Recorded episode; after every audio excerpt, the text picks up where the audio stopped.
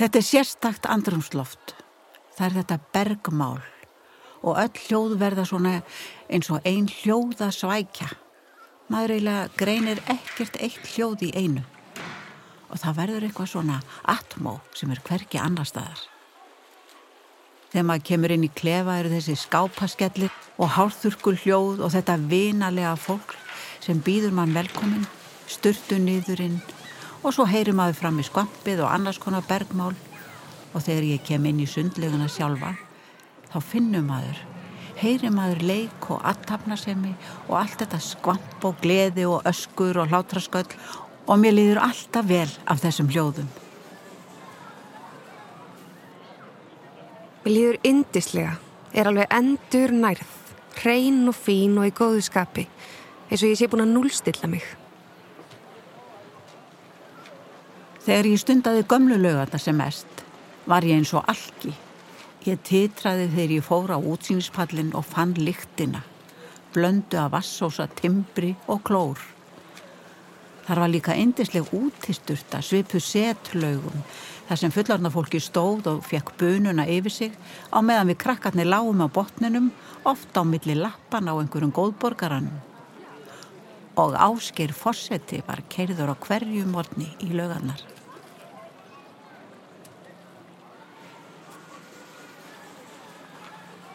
En þetta er, ég held að þetta sé besta gæðlifið, besta gæðlifið okkar. Vatni, það er bara ótrúlegt. Ef maður er með fjárhagsáhugjur eða áhugjur á börnunum eða eitthvað þá bara fari sund og ég kem upp úr og þá er allt farið. Bjúurinn, magapínan og allt farið. Þetta er bara lífið.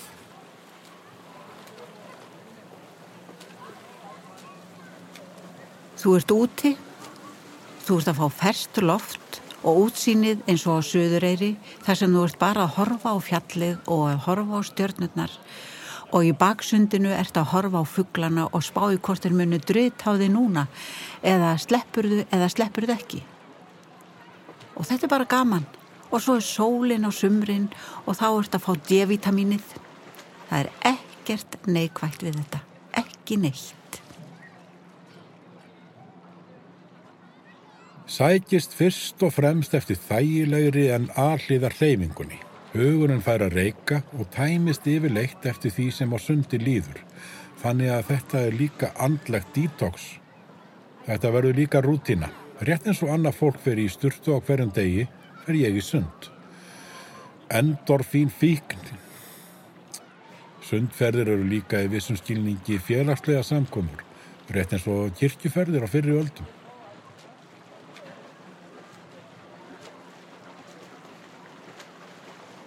Ég fer í sund því mér finnst þetta að gera tilveruna svo indislega. Þarna fæ ég góða reyfingu og svo er félagskapurinn svo gefandi. Þetta er mín félagsmiðstöð og gott fyrir mig bæði líkamlega og andlega. Það sem ég met best við sundferðina er veliðaninn við að smjúa vatnið. Það er alltaf gaman í sundi í góðu veðri en að fara í myrkri, stjörnubjörtu eða stórrýð er alltaf frábær upplifun og einstaklega afslappandi.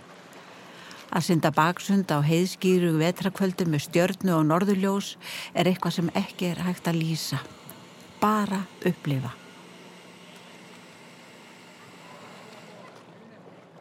Vatnið er best en að ég hlaða batteríin í vatninu tæmi hugan við að synda og reyfi mig um leið, næ svo að slaka á og fá nýjasta slúðrið í heitupótunum, elska hvað ég kem endur nærð úr sundinu. Ég kann sísta meta þegar ég kemst ekki að í sundinu. Það er, það er of margir að synda og það er ekki pláss fyrir mig. Öskrandi krakkar pyrra mig líka stundum þegar mér langar bara til að slaka á. En þau eru með læti og ég vil hoppa ofan á manni eða hér um byrj. Og ég þól ekki þegar ég þarf að býða eftir að koma staði í sturtu. Þá stendur maður nakin eins og illagerður hlutur og horfir út í loftið.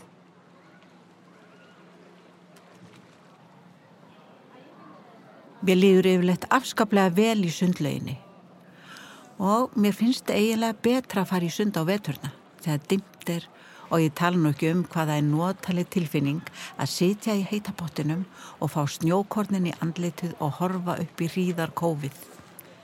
Eða þá upp í stjörnubjartan heiminn ef þannig viðrar. Í árbæðalöginni höfðum við útsýni við dalinn og upp í Breitholt. Oft nýtum að þess og sérstaklega eru haustlitinni fallegir í hlýðinni neðan við Breitholtið.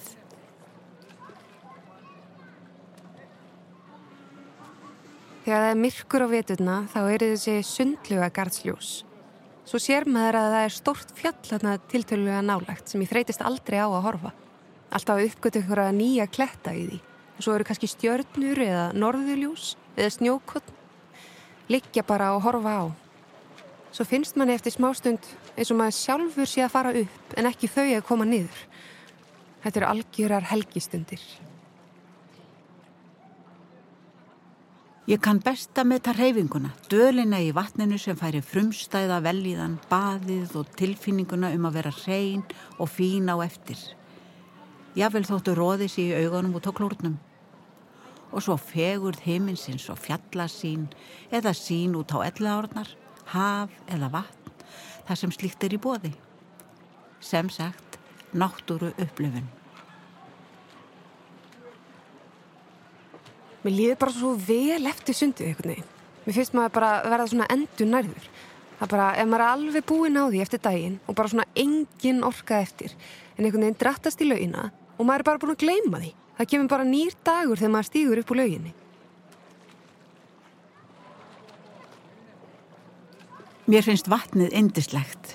Mér finnst stundum að það sé eins og silki. Það hefur klálega heilandi áhrif á mig. Þetta með fyrirgefninguna. Þú syndir hana í þig. Vassljóð og eitthvað svona, þetta er ótrúlega róandi og þú ert ekkert reyður lengur.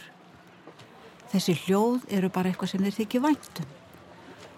Þau eru ábyggilega bara eins og að vera inn í móðurkvinnum. Þetta eru hljóð sem þú þekkir.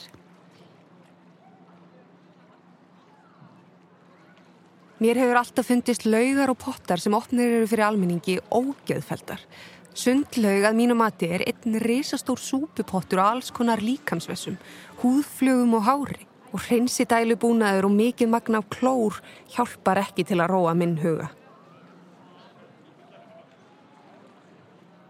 Fyrsta sundtakið er eins og frelsun. Finnst ég gæti eins vera á flugi, svífar sem næst í þingdaleysi. Ég nýt þess að léttast um 90%. Ég nýt þess að vera verkjalös. Það er alveg sama þó maður eigi við einhverja líkamlega takmarkanir að stríða. Að þá einhvern veginn verða þeir miklu minni í vatni.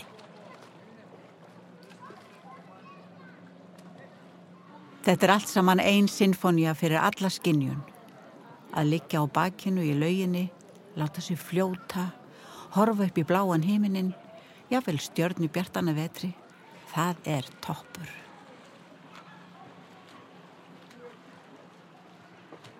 Mér er gott að fara í sund.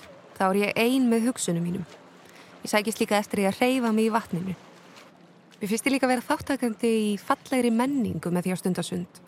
Á sumrin sækist ég eftir því að sólinn skín á mig, þannig að ég takja ofurlítinn lit og kroppurinn framleiði D-vitamin.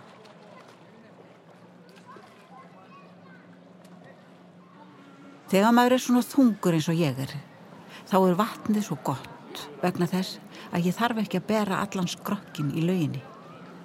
Maður flýtur svo vel að getur samt hreift sig. Ef ég þarf að lappa með mín kíló þá er það erfiðara og þá er ég sveitt og svona og það finnst mér óþægilegt.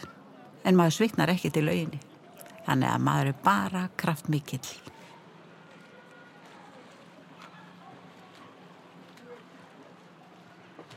Að fara í sund er einn mesta kvöl og pína sem ég veit um. Mér finnst það svo ótrúlega leiðilegt að ef ég neyðist til þess að fara í sund þá verði ég eiginlega bara þunglind á meðan allt þetta ferli stendur yfir. Þess að finna sér til, setja sundfött, hárbusta, sjampo, hangklæði, hreinfött og fleira í bakpoka. Fara í sundlaugina, borga pening fyrir það að vera hálfnakin fyrir framann fullt af fólki sem ég þekk ekki neitt. Setja eins og illa gerður hlutur í pottinum þóra valla að lappa á milli potta eða lauga vegna spjérhæðslu minnar og svo að loku mér reyndar uppáhaldskabli minn í sundi, að fara upp úr.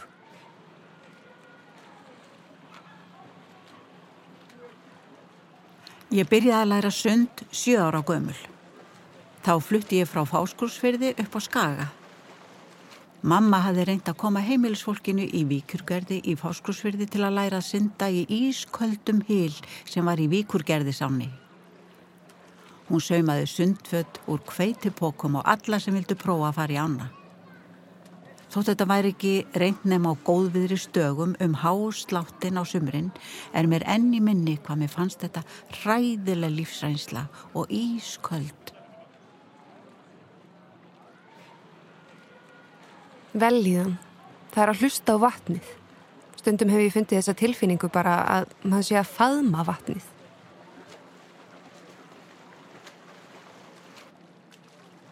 Ég fyrir sund vegna þess að ég hef fölluð smá frá fæðingu og í vatninu get ég gert ótrúlega mikið af æfingum sem ekki er séns að gera á gólfi. Það er bara vatnið einhvern veginn. Það reynsa mann svo vel að það er bara ótrúlegt. Maður kemur döðþreyttur í sund og þegar maður kemur upp úr þá er einhvern veginn, maður er svo kraftmikill og fít og það er svo allt hafi verið tekið saman og reynsað inn úr.